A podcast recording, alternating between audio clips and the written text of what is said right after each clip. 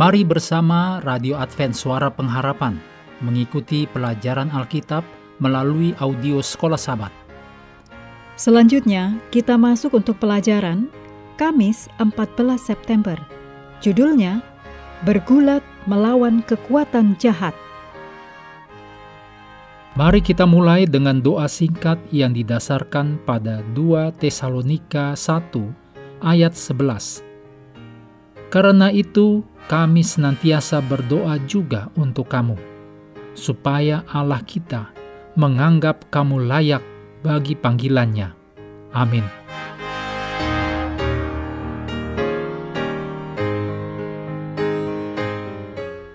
Paulus membuat daftar berbagai gelar untuk kuasa roh jahat yang digambarkan dalam Efesus 1 ayat 21, Efesus 3 ayat 10, dan Efesus 6 ayat 10 sampai 20. Dalam Efesus 6 ayat 12, Paulus menggambarkan perjuangan kita menggunakan kata Yunani untuk persaingan antara pegulat, yaitu pale. Karena gulat dianggap sebagai persiapan yang sangat baik untuk pertempuran, ini adalah gambaran yang tepat tentang senjata melawan senjata dan pertempuran tangan dengan tangan yang terjadi ketika tentara bentrok atau beradu. Paulus menekankan realitas perjuangan orang percaya yang erat melawan kuasa jahat. Berikut ini adalah istilah yang Paulus berikan kepada kuasa jahat. Dalam Efesus 1 ayat 21 disebutkan setiap pemerintah atau setiap aturan, setiap penguasa, setiap kekuasaan, setiap kerajaan, setiap nama yang dapat disebut. Dalam Efesus 3 ayat 10, para pemerintah, pihak penguasa. Dalam Efesus 6 ayat 12, para pemerintah, pihak penguasa, penghulu dunia yang gelap, roh-roh jahat di udara. Dalam uraiannya yang luas, setiap nama yang dapat disebut dalam Efesus 1 ayat 21, roh-roh jahat di udara dalam Efesus 6 ayat 12, Paulus menegaskan bahwa semua kuasa jahat dan supranatural ditaklukkan kepada Kristus. Namun, dalam pertempuran apa pun, meremehkan kekuatan di pihak lawan tidak pernah merupakan strategi yang baik. Paulus memperingatkan bahwa kita tidak hanya menghadapi musuh manusia, tetapi roh-roh jahat di udara. Efesus 6 ayat 12 dipimpin oleh seorang jenderal yang cerdik, yaitu iblis. Efesus 6 ayat 11. Namun, sementara kita harus waspada terhadap musuh kita yang kuat, kita tidak perlu gentar kepada mereka.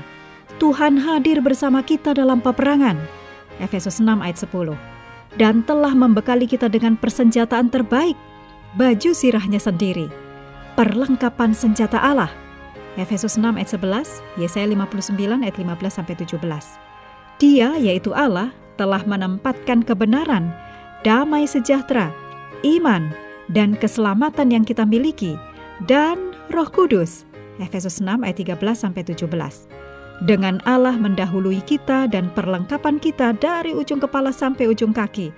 Dalam perlengkapan senjata yang Allah telah sediakan, kita tidak dapat gagal Roma 16 ayat 20, 1 Korintus 15 ayat 23 dan 24, 2 Tesalonika 2 ayat 8. Pelajaran dari kenyataan bahwa kita tidak berdaya terhadap kuasa jahat supranatural ini adalah kita harus memegang Tuhan Yesus yang tidak hanya lebih besar dari kuasa-kuasa ini, tetapi telah mengalahkan mereka. Mengakhiri pelajaran hari ini, Mari kembali ke ayat hafalan dalam Efesus 6 ayat 10 dan 11. Akhirnya, hendaklah kamu kuat di dalam Tuhan, di dalam kekuatan kuasanya. Kenakanlah seluruh perlengkapan senjata Allah, supaya kamu dapat bertahan melawan tipu muslihat iblis. Kami terus mendorong Anda bersekutu dengan Tuhan setiap hari melalui bacaan Alkitab sedunia, percayalah kepada nabi-nabinya yang untuk hari ini melanjutkan dari Mazmur 131. Tuhan memberkati kita semua.